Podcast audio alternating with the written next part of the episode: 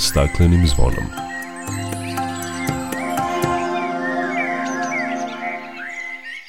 Dobar dan, dobrodošli na Zeleni talas prvog programa radija Radio Televizije Vojvodine. Ja sam Dragana Ratković.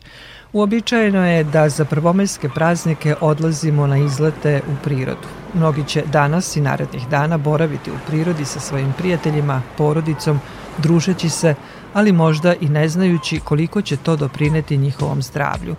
Govorit ćemo o pozitivnim efektima boravka u prirodi, o šumskom kupanju, japanskoj terapiji Shinrin Yoku. Povešćemo vas u obilazak Geoparka Đerdap, prvog i jedinog takvog parka kod nas, a donosimo vam i ekoturističku razglednicu specijalnog rezervata prirode Carska bara, ovog jedinstvenog prirodnog područja u Vojvodini, ali i osnovna pravila ponašanja u prirodi. Toliko u najavi emisije o svemu opširnije nakon pozdravne pesme. Dok priroda kraj nas plače za vladarskim svojim tronom tužno vele narikače pod staklenim smo zvonom Znaj Sve manje je i ozona Protiv sebe ide čovek i to često bez pardona. Uništenju živog sveta Kao da su ljudi skloni. Čovek sam je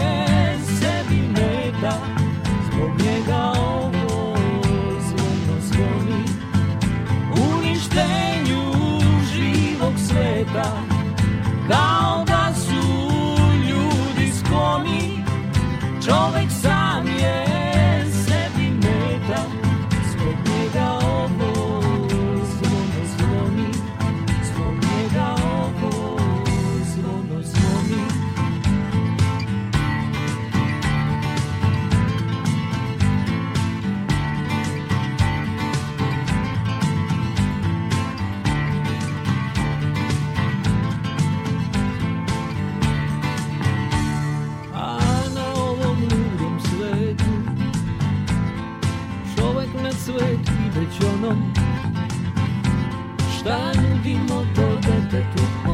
stakleni kad smo zvonom.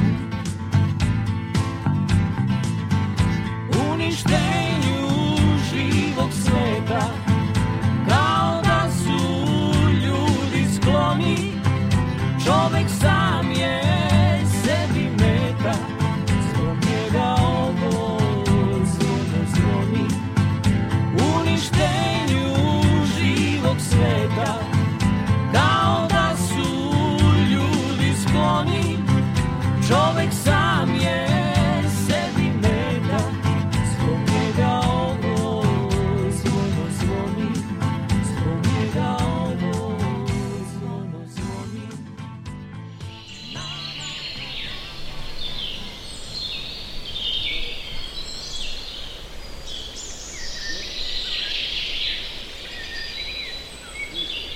Slušate emisiju pod staklenim zvonom.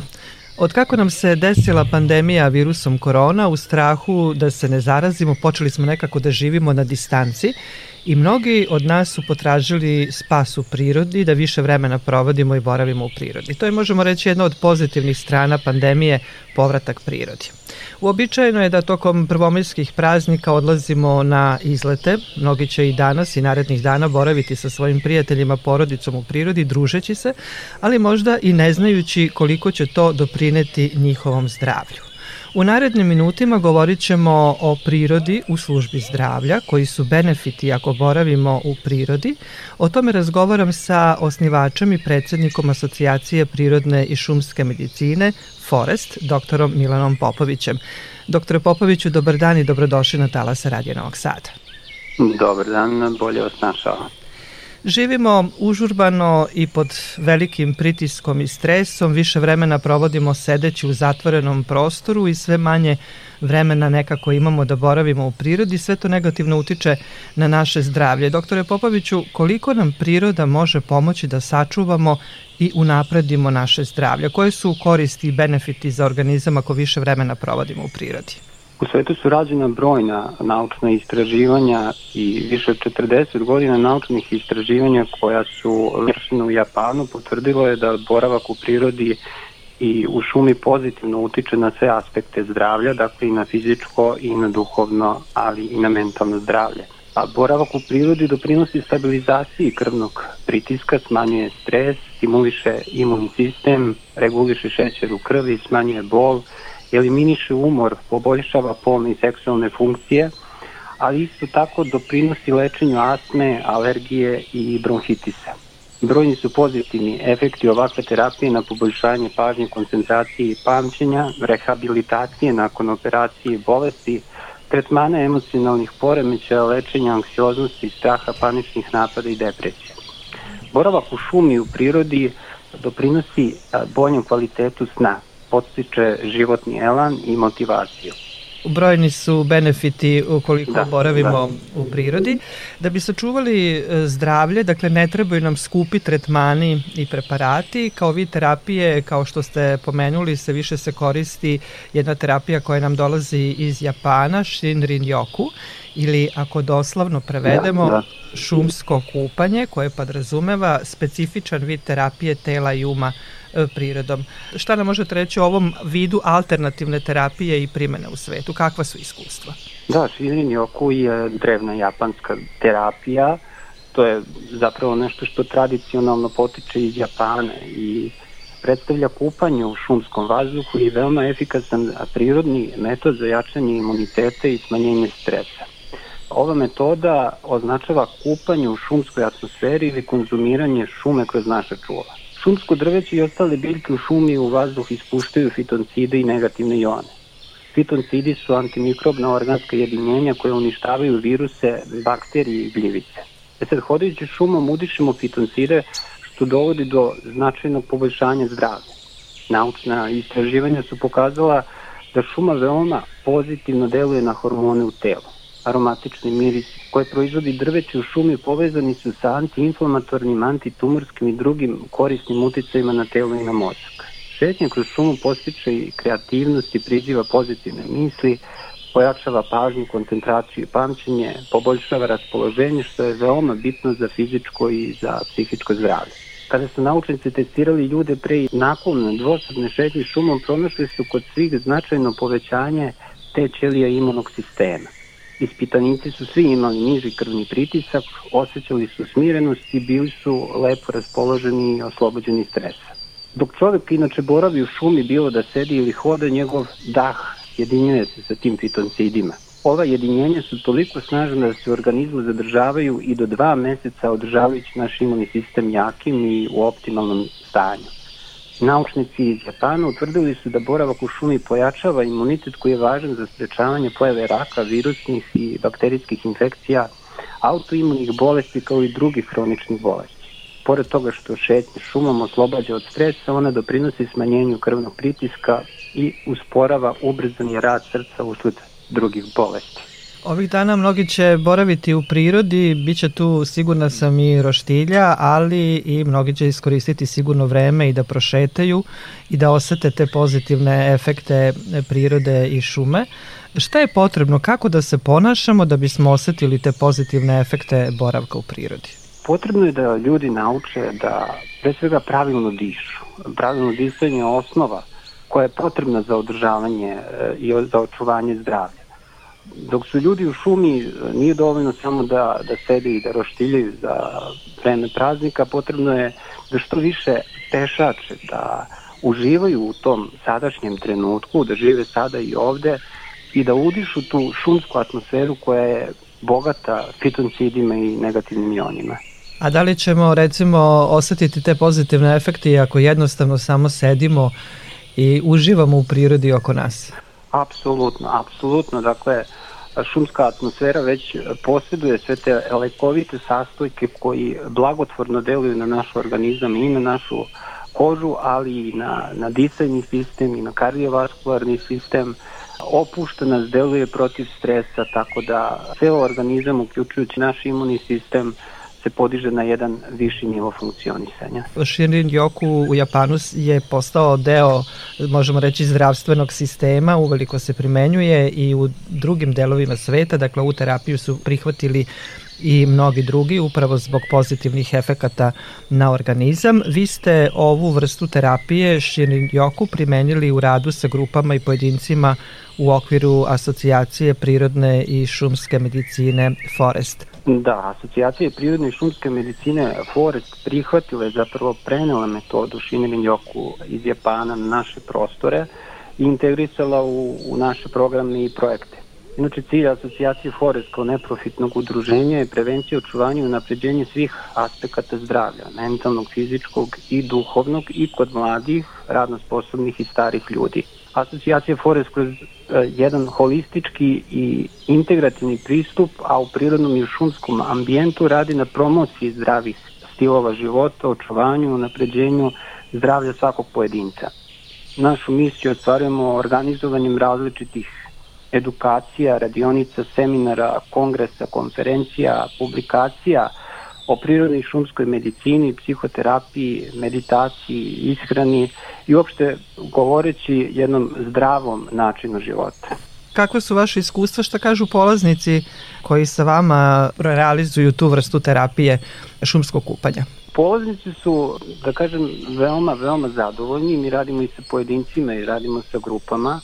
Rade se različite tehnike e, disanja, tehnike meditacije, psihoterapijski razgovori, šetnje i udisanje šumskog vazduha, pravilne vežbe i stezanja, tako da praktično skoro svi su zadovoljni jer dovodimo njihovo telo i, i duh, da kažem, u jedno balansirano stanje, tako da on, oni koji su imali recimo visok krvni pritisak su uspevali da stabilizuju taj krvni pritisak, oni koji su patili od, e, od nesanice, kod njih se stabilizovao taj stav. Oni koji su imali neke emocionalne probleme kroz razgovore sa mnom, s obzirom da sam ja i REN KBT psihoterapeut pod supervizijom, uspeli su da reše te emocionalne probleme. Dakle, mi praktično smo kroz te radionice koje održavamo u jednom zdravom prirodnom ambijentu pokrili sve aspekte zdravlja i na taj način našim polaznicima omogućili da unaprede sve one aspekte koji su im bitni za život. A za one koji ne mogu možda da odu do obližnje šume, da uživaju u šetnji i šumskom kupanju, da li mogu da odu do obližnjeg parka u svoju baštu, da li će i tada osetiti te blagotvorne efekte prirode ili baš moramo otići u šumu? Svaki veći grad ima dosta parkova, recimo u Beogradu postoje dve velike šume ili tri velike šume, u okolini Novog Sada takođe ima dosta šuma, ali oni koji ne mogu da dođu do šume svakako će biti veoma korisno da se prošetaju do obližnjeg parka, i provedu bar sat vremena u tom parku uh, dišući, dišući zdravi i čist vazduh. Dakle, svaki boravak u prirodi, uključujući i parkove, uključujući i šume, poboljšava naše zdravlje. Bitno je samo skloniti se od gradske vreve, od ulica, od trotoara, sve ono što predstavlja prirodu, a to su, dakle, i livade i parkovi i šume može značajno da unapredi naše zdravlje. Hvala vam lepo za razgovor i što ste nam ukazali koje sve benefite e, po naše zdravlje možemo imati ako boravimo u, u prirodi. Hvala vam na pozivu. Gost emisije pod staklenim zvonom bio je osnivač i predsednik Asocijacije prirodne i šumske medicine Forest, dr. Milan Popović.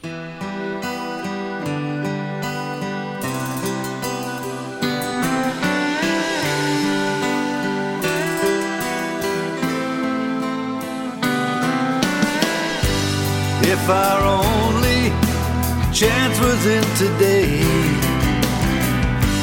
let it lift us up above some way.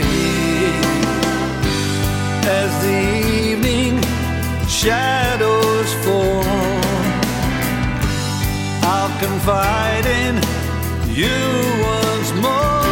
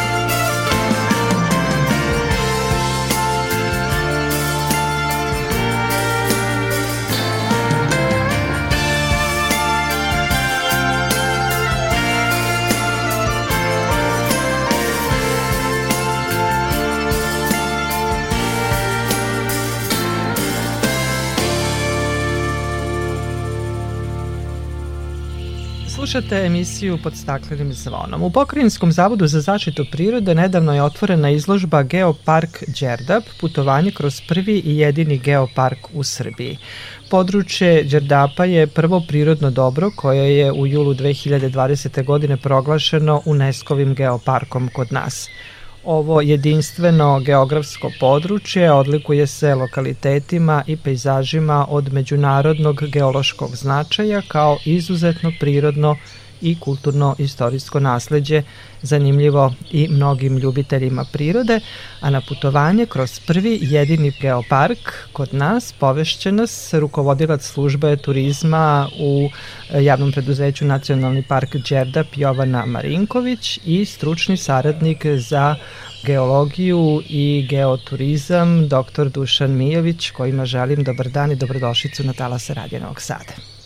Dobar, dobar dan. Danas je u globalnu mrežu geoparkova upisano 169 područja od izuzetnog međunarodnog geološkog značaja koje se prostiru 44 zemlje, a Nacionalni park Đerdap je prvi geopark u našoj zemlji, on je i najveći nacionalni park u našoj zemlji, mnogi kažu spoj vremena i prirode na kopnu i vodi – Pa sam htela nekako da nas povedete na to jedno putovanje kroz Geopark. Geopark Đerdap je veoma interesantno područje u morfološkom, geološkom, arheološkom smislu i kao takvo ono se prostire na terenima koji imaju nadmorske visine od 40 do 810 metara koliko je najviši vrh na Mirotu. Pri nominaciji je izdvojeno 63 objekta geonasleđa koji su uglavnom geološki profili, zatim morfološki oblici, hidrološki oblici i geoarheološki. Posebno interesantno možda za posetioce su vidikovci koji u stvari pružaju pogled na skup vrednosti i zbog toga predstavljaju posebnu atrakciju duž Dunava. Ako bih mogao da kažem da od Golubca, gde je ispred Klisure Đerdapa Dunav najširi i i zahvata širinu od 6 e, km. Đerdapom nizvodno Dunav dolazi do širine od e, svega 120 metara u Malom Kazanu i najveće dubine od 90 e, metara. Interesantno je da Geopark Đerdap je na neki način podigao i promociju nacionalnog parka i pokazao da nacionalni park koji je proglašen još 1974. godine ima u 21. veku novo nešto što nudi posetiocima i svim ljubiteljima prirode, a to je u stvari jedan pogled koji je e, nov pogled na prirodu, odnosno geodiverzitet ili geološku raznolikost e, ovog područja. Raznolikost e, terena sigurno odlikuje i bogat biodiverzitet. Odlikuje svakako, jer biodiverzitet ili biološka raznovrsnost je odavno poznata i zbog toga je nacionalni park i ustanovljen. U biološkom e, smislu možemo da kažemo da ovo područje ima pre svega bogatu faunu ptica, Belorepan se izdvaja kao jedna od posebno značajnih vrsta koja se nalazi na crvenoj listi i u našoj zemlji je e, bila ugrožena do nedavno. Pored toga imamo prisutnog jelena na području Đerdapa, zatim imamo jazavca, tu su i e, vrste kao što su đerdapska sasa, zatim e, vrste krokusa različitih ili porodice mrazovaca, Takođe ima interesantan fond e, različitih vrsta drveća. Možda Đerdap svakako nije sa nekom vrstom kao što je u zapadnoj Srbiji Pančićeva omorika, međutim bukov pojas šuma na Đerdapu i ruj koji je prošaran u tom pojasu predstavljaju jesen posebnu atraktivnost zato što ruj je e, crvene boje, samo ime mu i kaže, i bukva koja postiže žute i zlatne boje lišća, tako da kolorit e, šume na Đerdapu doprinosi jednoj atraktivnosti. Osim toga tu su i druge vrste prisutne i tisara, posebno su interesantne vrste ihtiofaune, odnosno faune riba, pre svega zato što je područje Đerdapa poznato po moruni, zatim po jesetri, odnosno vrstama ribe koje su i krašice i koje su na ovom području, da kažem, doprinele da ono bude prepoznato prema čuvenom kavijaru ili da kažem jednostavno dunavskom ajvaru, pod znacima navoda.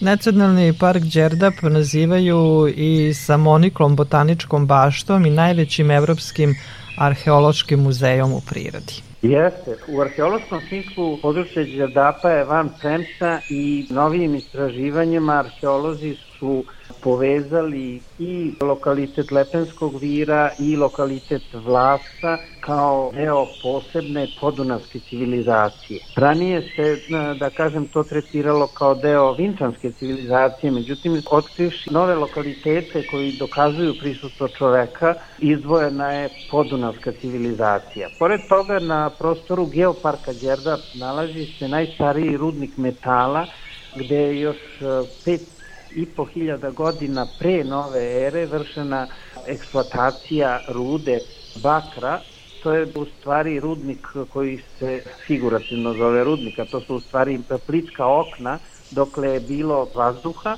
silazili su preteče rudara i uz pomoć primitivnog alata kopali rudu i iznosili na površinu. Taj rudnik se nalazi kod Rudne glave, nedaleko od Majdanpeka i veoma je poznat u svetu, a njega je otkrio naš čuveni akademik Borislav Jovanović. Osim toga, u srednjovekovno doba veoma impozantan spomenik kulture je i Svet Islam ili vojno utvrđenje nedaleko od Kladova koje predstavlja utvrđenje koje su još započeli Rimljani, ali konačan oblik koji danas mi možemo da vidimo i koji predstavlja praktično logor unutar logora, znači dva različita stila gradnje i odbrane su dale Osmanlije u 15. veku. Takođe i Dijana Karataš predstavlja izuzetan arheološki lokalitet iz rimskog perioda, kao i tabula Trajana ili Trajanova tabla koja je pri izgradnji Đedapa, odnosno hidroelektrane, morala da bude pomerena 25 metara naviše da bi mogla da ostane vidljiva. Trajanova tabla nije jedina tabla koja dokazuje podvige rimskih graditelja puteva, bilo je 4-5 tabli duž rimskog puta Đerdapu, ali je ona ispala najpoznatija i najimpozantnijih dimenzija, 4 puta 8 metara. U toku je i novo uređenje koje bi moglo da pruži posetiocima i sa kopna mogućnost da je vide, s obzirom da se sve do sada Ranova tabla jedino može da vidi sa Dunava. Vreme je prvomajskih praznika, mnogi će sigurno iskoristiti da posete Geopark Đerdap. Šta je ono što ste priredili za posetioci i šta mogu da vide kad dođu? Za prvomajske praznike mogu odbići mnogo stvari s obzirom da je površina geoparka 1330 e, metara kvadratnih, tako da prostire se na četiri opštine i samim tim i obuhvati veliku površinu koju bi mogli ljudi i da vide u nekoliko dana, ne samo za taj jedan prvi maj. Što se tiče geološkog nasledja, geoparka, ja bih vama eto negde preporučila možda dedine, možda homorski kristalin, rakin ponor, prirodne kamene mostove na reci Vratni, Blederiju. Što se tiče istorijskih spomenika, trajnovu tablu ne smije zaobići nikako. Lepenski vir kao sedište jedne od najvažnijih i najsluženijih kultura praistorije, dunavske civilizacije, Golubački grad kao srednjovekovno vojno utvrđenje na ulazu Đerdapsku klisuru, kao i još mnogo drugih ovaj, nalazišta i teološko nasljeđe. Što se tiče rekreacije i nekog aktivnog odmora, ja bih preporučila da se obiđu neki od naših prelepih vidikovaca, zapravo uređene pešačke staze koje izlaze na fantastične vidikovce.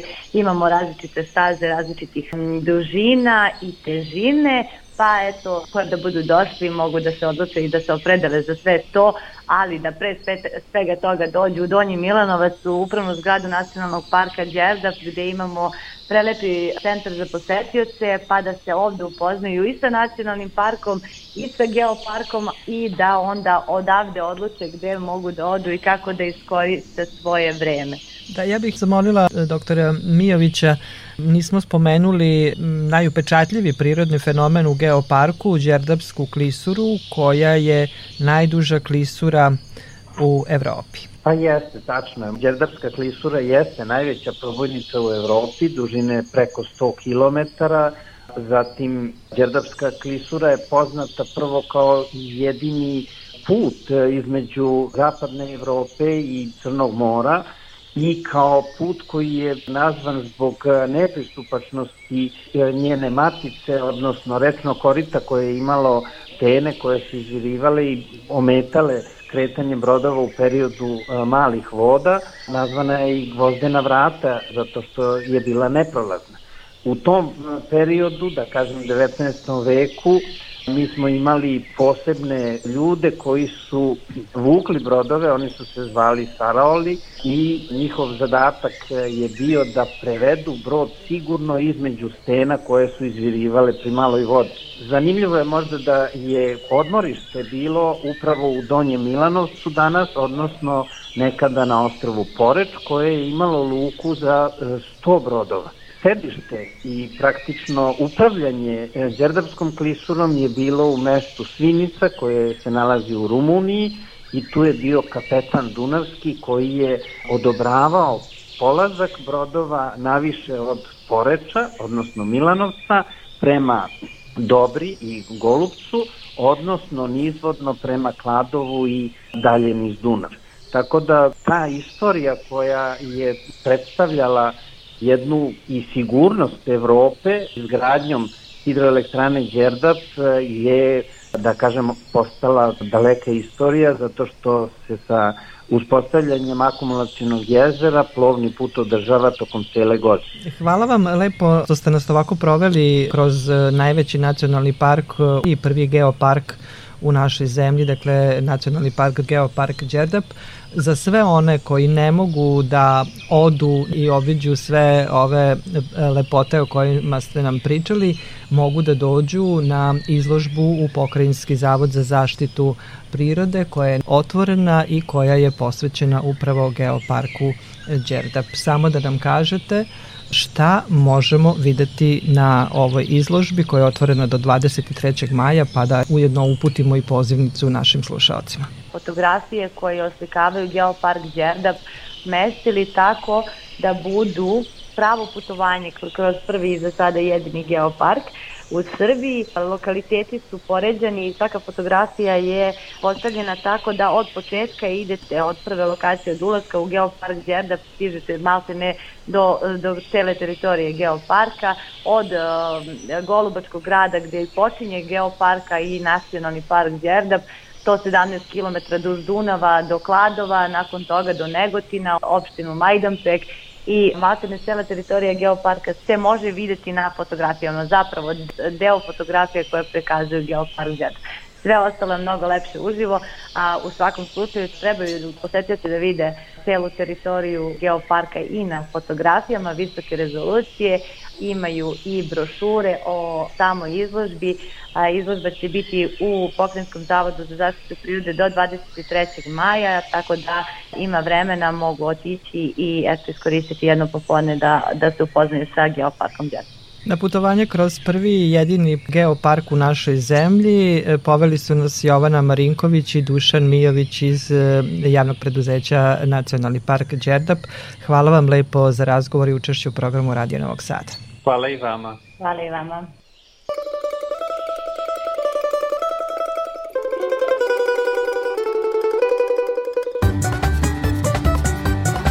Bila je ostrvo Panonskog mora sad je planina u kraju ravno.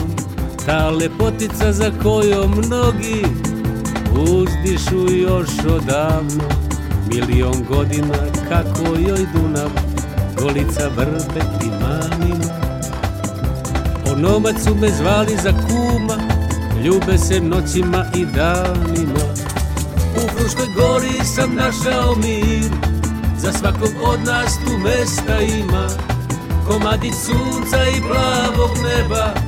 I kad je leto i kad je zima I staza zdravlja i staza srca.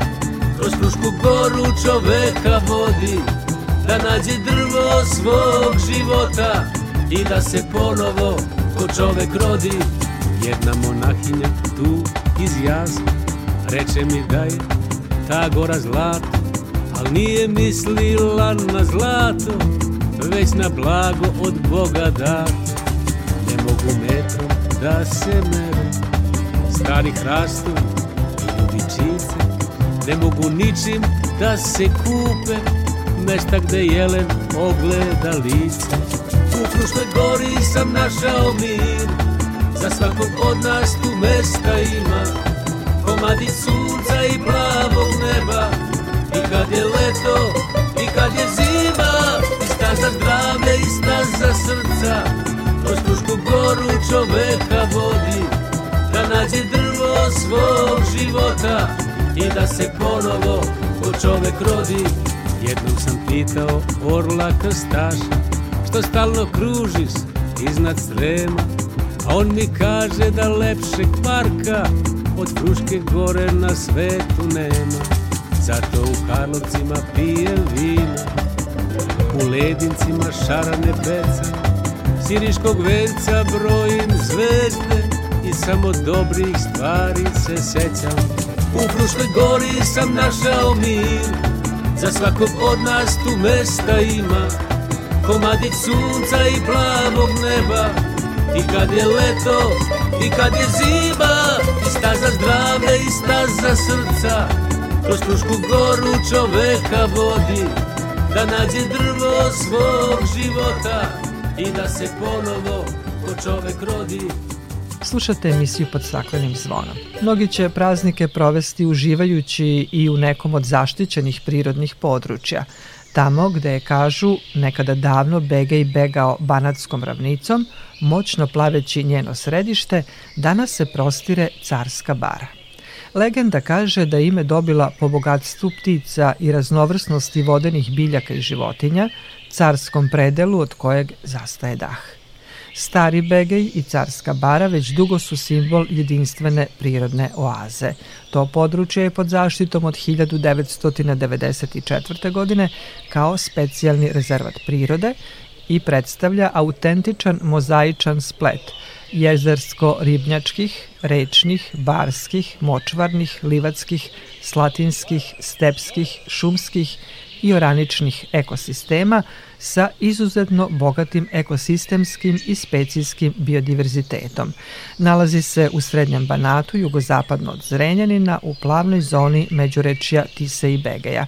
Carska bara je i na Ramsarskoj listi međunarodno značajnih vlažnih područja. Ptice su jedno od najimpresivnijih obeležja tog rezervata, pa je čaplja izabrana kao simbol tog područja. Sve ovo o čemu sam govorila dočarat će nam moja koleginica Irina Samopjan kroz jednu ekoturističku razglednicu specijalnog rezervata prirode Carska bara.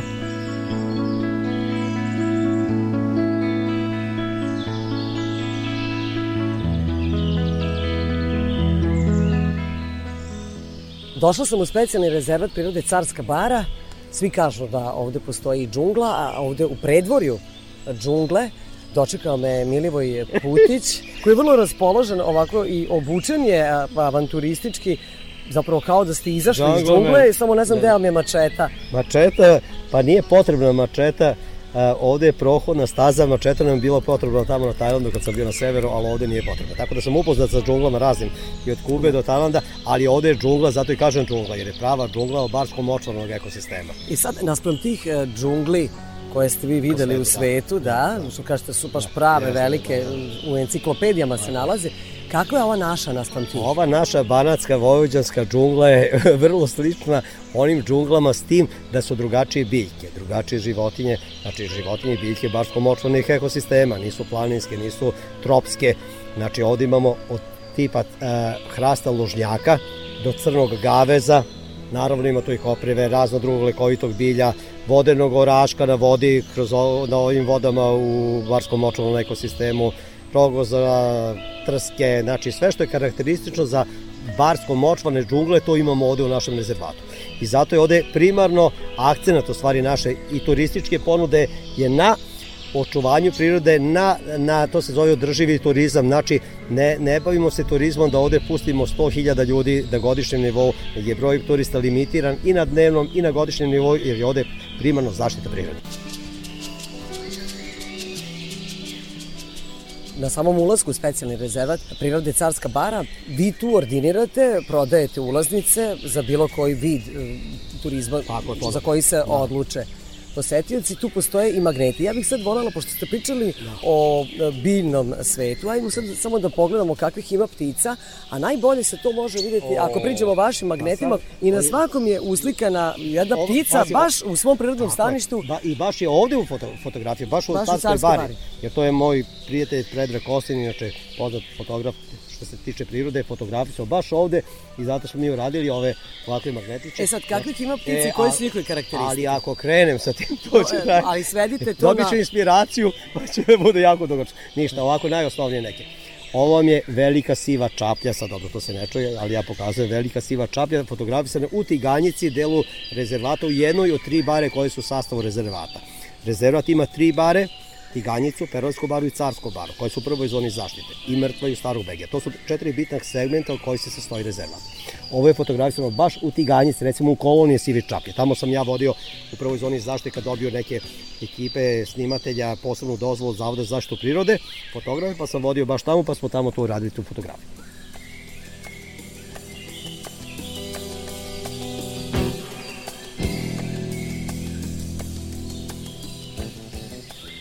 Ovo su orlovi belorepani, najveće gradbivice u Evropi, ujedno završetci lanca ishrane u ovom našem ekosistemu, koji počinje sa komarcem kojih ovde ima izuzetno malo. Turisti su dolazili iz celog sveta ovde pre korone. Pa sve ambasade su bile ovde, svi bi rekli, barem močvara. Normalno je da ima bi komara, to je normalno. Da. Ovo je nenormalno da ih nema. I dolaze ljudi i kažu da li je ovo moguće. To je, to je zbog? A to je zbog, ne zato što se prskaju, jer je zabranjen apsolutno lov, ribolov, upotreba hemikalija, nema prskanja. Zbog žaba Priroda je čista potpuno, zato imaš strahovito puno žaba, a punoglavci žabe jedu larve komarca koje žive u vodi. Svako tu jede onoga Svako... koga treba da jede i, i to je jedan savršen ekosistem. Ekosistem, tako da. je.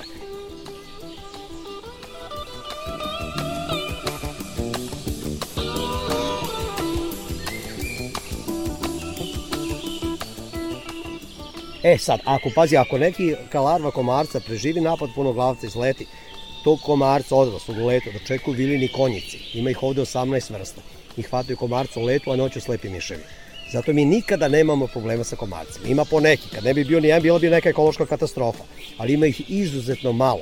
Ja odem na tisu, meni komarci ulaze u oči, u uši, u nos, ne mogu predveče, ne mogu da ostane ovde, dođete ono izuzetno malo komaraca, tako da je, da je to neverovatna stvar.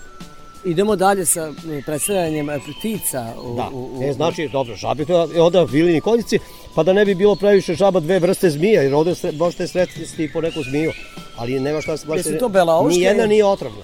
To su ribarica i belouška. A ribarica, dolazili su ljudi iz južnog kraja naše republike, pa kažu, jao šta je šarki, ovde nisu to šarke. Šarana je kao otrovnica ribarica, ali nije otrovna, jede ribu. Beloška jede žabu. I, i belouška izgleda, mislim, ona je ne, dugačka. Beloška, znači može... ima žuto to oko glave, zato se zove beloška. Ali da, ali dugačka je. Dugačka, ali, riba, ali ribarica je još veća, i još je duža. I šarena. A njena, ja je hvatam rukom, ali njena odbrana je pusti neki smrad. Sad to nikada ne hvatam kod glave, nego za rep. Ako hoću da je sklonim sa puta da je neko ne pregazi. Znači, jer može da se desi da se sunča i nešto da se umiri na asfalt, onda je sklonim da ne bi bila pregažena, ali zato je ne više kod glave, jer to je njena odbrana, u stvari, jako nepodnošljiva stvari smrad. To je ribarica. Ona pojede žabu, ribarica ribu, biološka žabu, rekli smo čaplja, jedino ovdje imamo svih 10 vrsta čaplji koje postoje u Evropi. Ona, ona pojede uh, belošku, naprijed, ili ribaricu.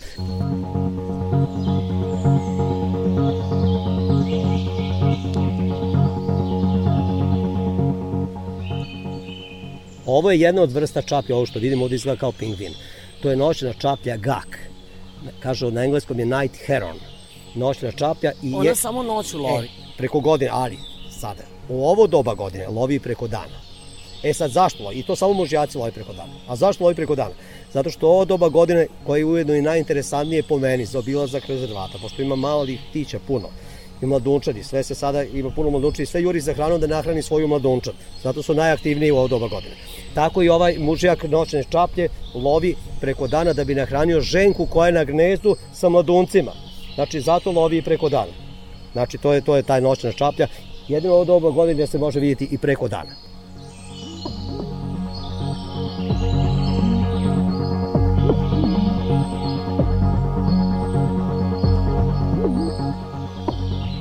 Znate što, koja ptica mi je bila? E sad ne možemo baš sad da pomenemo. Ova, ova je ta, ta to je mala. najma, najmanja ptica na svetu koja se hrani ribom. To je vodomar. Živi ovde u rupama u levoj obali ovog starog begija kojim plovimo. Ovo je u kakvim mrtva, rupama? U rupama u obali, u zemlji. A, u zemlji? U zemlji. A koliki je on? Malo je manji od vrapca. Manji od vrapca? Da, ima naranđa stomak, plava leđa, jako brzo leti nisko iza površine vode u civuk. I, I on, on Mirko, na brzinu da, da, na brzinu, kao kolibri, kad vidi ribicu, on se zaustavi, iznad ribice i koli, brzo, brzo radi krilima kao kolibri, on se zakuca dole i uhvati ribu i pokušava da izvuče, nekada uhvati veću ribu nego što može da izvuče, pošto je jako malo. Pa ga povlači pa se dole. Da, da, i onda se on muči jadan da izvuče. Znači, to je najmanja ptica na svetu koja se hrani ribom vodomar, na engleskom je kingfisher, na mađarskom je egmodar ledena ptica bukvalno. Jeste videli vodomara još negde, osim ovde kod nas? Nisam ga video, žive oni i na jezerima i na morima žive. Čak. A ove korborane, pa to je noćna mora za sve ribnjake. Ovde ih ima hiljadu para, oko 2000 jedinki, svaki dnevno pojede ribe do polovine svoje težine kada nema mlade, težih je 2,5 kg kilo ribe na dan. Pa 2000 kormorana po kilo ribe na dan, to je 2 tone ribe dnevno. Zato je noćna mora, zbog pa da. njega A gde će da jedu 2 tone ribe dnevno? Pa na ribnja kečku. Ribnja kečka je na obodu rezervata. Najveći ribnjak po površini Evropi. Jedan veliki resurs hrane. A resursi hrane određuju populaciju životinja koje koriste tu hranu. Dakle, će... ovde može da opstane kormoran zato što ima šta da jede. A, a sve te ptice, svih 250 vrsta ptice koje ima ovde, sve vidre, mislim ne sve, bukvalno ti 250 vrsta ptice, nego ptice koje se hrane ribom, su ovde kormorani, čaplje, svih 10 vrsta čaplji koji postoje jedino su ovde u rezervatu, oni nigde više u Evropi. Baš zbog ribnja kečka, kao resursa izvora hrane. Svi putevi hrane vode baš na ribnja kečka. Nijedno zaštićeno područje nema toliki ribnjak na svom obodu kao Carska bara. Zato Carska bara jeste jedan od najznačajnijih ornitoloških stanica uopšte u Evropi baš zbog ribnja kečka. Ni zbog če drugog. I zato kormorani su ovde 2000 komada, 1000 paro lete gde da lete, pa na ribnjak naravno. I ovi se naši brane topovima tamo, pucaju na njih, topovima. Ne protiv avionskim, nego topovi nakačeni na plinsku bocu pa imaju detonaciju u određenom vremenskom intervalu koja se programira. Samo pucaju da bi ih otrali bi poli svu ribu tamo. Da. To kad tako kažete topovima, ja sam mislila se šalite, da, ali u stvari to su... Jes topovi, kao cevi, jedan top, tako se zove, plinski top. Pazi, oni bi poli svu ribu.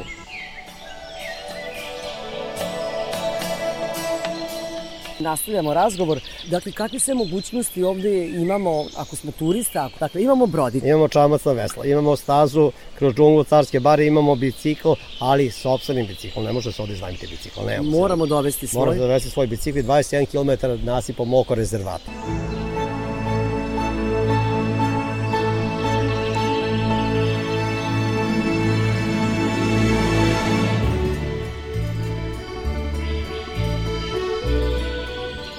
Dame i gospodo, dobro došli u naš specijalni rezervat prirode Carsku baru. Ja se zovem Milivoj, da se predstavim, naravno Milivoj, zovu me Puta, ja se predstavim Putić, ovde sam menadžer turizma, organizator ovih avanturističkih aktivnosti vezane za ovaj rezervat. Plovit ćete ovom mrtvojom, starim Begijom, koja je duga 10 km. Nećete ići 10 km, trebalo bi 6 sati. Plovit ćete oko sat vremena. Mrtvaja, ne znači da je mrtvo da nema života. Naprotiv, ovde ima obilje života. Čuli ste verovatno i videli na ovim bilbordima. 250 različitih vrsta ptica po zadnjem ornitu monitoringu, to znači popisu ptica, Zavoda za zaštitu prirode Republike Srbije. Sve čaplje koje postoje, svih 10 vrsta, jedino su u ovom rezervatu i nigde više u Evropi. Zato je čaplja naš zaštitni znak i zato je između oslog ovaj rezervat 1989. godine proglašen za skraćenica IBA područje, IBA, ili Important Birds Area, važno ptičje područje u svetskim okvirima. 24 vrste riba po ihtiju monitoringu zavoda, 500 biljnih vrsta, puno divljih svinja, vidri, kornjača, žaba, zmija, znači ovde je bogatstvo i flore i faune, ali je mrtvaja, kao što znamo, deo reke, odvojeno od glavne matične reke i voda stoji. I kao svaka stajaća voda, pogotovo u ravnicama, tako je ova naša mrtvaja ima taj prirodni proces, kažu stručnjaci, eutrofizacije ili zamuljavanja, i proces sukcesije ili usvajanje površine od vodenih biljaka. Jer znamo da se stajaća voda vremenom zamuljava, pretvara se u baru. Kasnije godinama bara se pretvara u močvaru. Močvara još manje vode, još više mulja, još više biljaka i na kraju močvara se pretvori u livadu.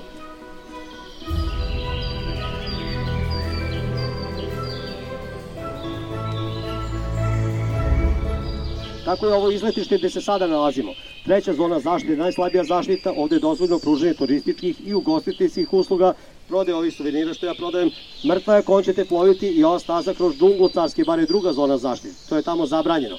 Nema ugostiteljstva, nema suvenira, čist turizam, to se zove održivi turizam ili održivi razvoj turizma. Tamo, u prvoj zoni, znači u Perleskoj bari i u Tiganjici i u Carskoj bari, apsolutno je sve zabranjeno što se tiče čoveka. Jedino se tamo može ući uz posebnu dozvolu Zavoda za zaštitu prirode, što se vrlo redko dobije, jer se tamo nalaze velike kolonije ptica koje se gnezde. Tamo treba i posebna oprema da se uđe i kad se dobije dozvol tipa neoprena, ronačkog dela, jer tamo se gazi, mi naravno kao staroci tamo ulazimo, ja ulazim lično, znači pratimo tu populaciju ptica te kolonije, ali kažem treba posebna oprema, posebna kondicija i to nije za širu turističku ponudu.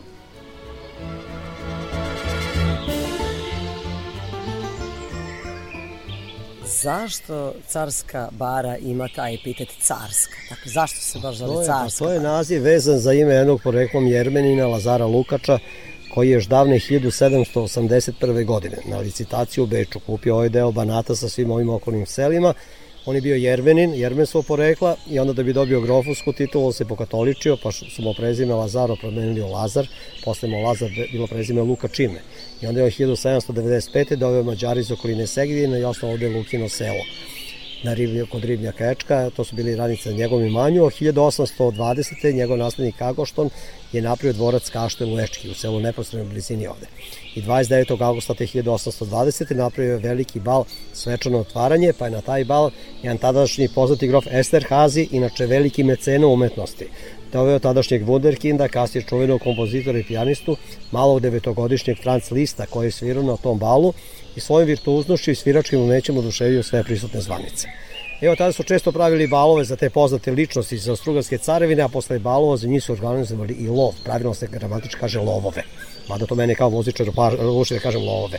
Gde su išli su u lovove. Nisi stvarno mi zvuči da malo ne. Više puta su da, išli u love. Da, da, da, u lov i gde su dolazili da love pa baš ovde pa je po njima dobila naziv carska bara, ali kogod je lovio ovde, svi su imali nesrećne sudbine u životu, pa je tu lovio princ Rudolf, sina od cara Franca Jozefa, pa je posle lova ovde Prvo su objavili da izvršio samoubistvo, posle nekoliko desetina godina se obelodanilo da su ubili njega i njegovu malotnu ljubavnicu, 17-godišnju Mariju Večeru.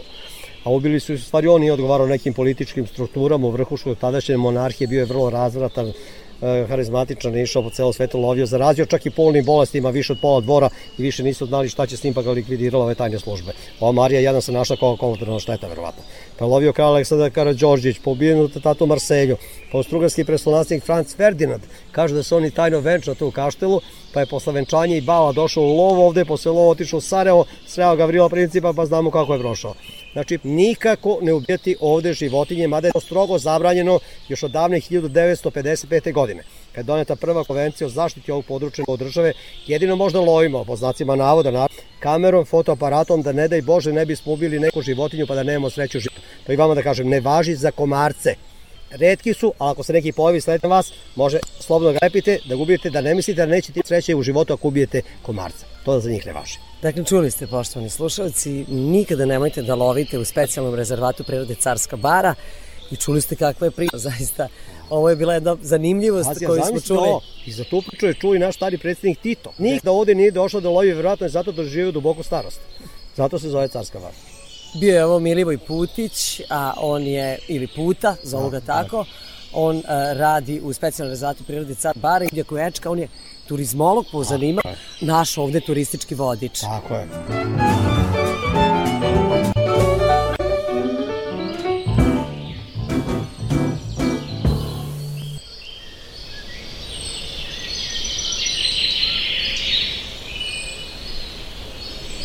Nadam se da ste uživali u ovom obilasku specijalnog rezervata prirode Carska bara, pa se možda i odlučite da posetite to jedinstveno prirodno područje u Vojvodini ili neko drugo i da ćete maksimalno iskoristiti ove praznične dane da odete u prirodu.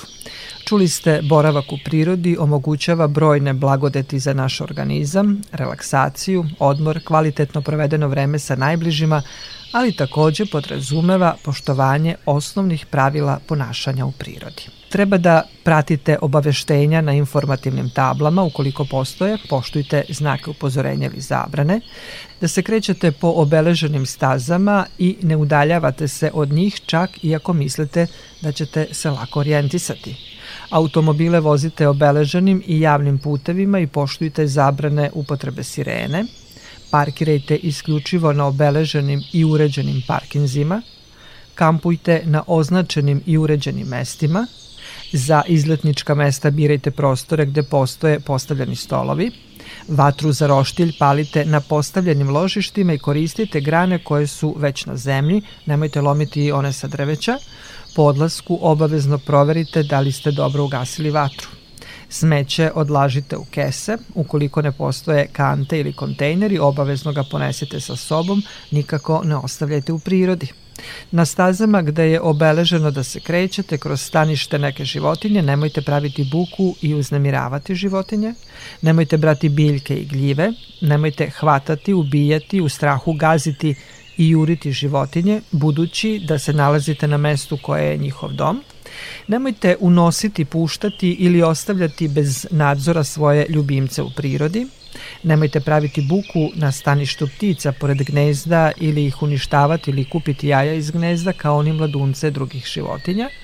I još jednom podlačim, svoj otpad ponesite sa sobom. Naravno, ova pravila nisu tu da nas ograniče i spreče da uživamo spontano u prirodi, već da nas podsete da moramo poštovati i čuvati prirodu koja je potrebno dugo vremena da se oporavi nakon našeg nedoličnog ponašanja. Ako naučimo da volimo i čuvamo prirodu, dajemo i lični doprinos očuvanju planete.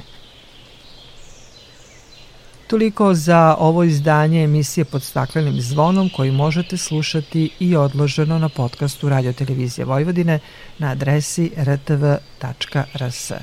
Na pažnji vam zahvaljuju Sabina Nedić, Zoran Gajnov i Dragana Ratković. Sledeći susret zakazujemo za sedam dana u isto vreme na zelenom talasu prvog programa radija Radio Televizije Vojvodine. When he made his way back to the old town Everything looked just the same The shops and the schools and the factories were there Somehow the faces had changed. So he went for a walk in the high street. Took his coat off and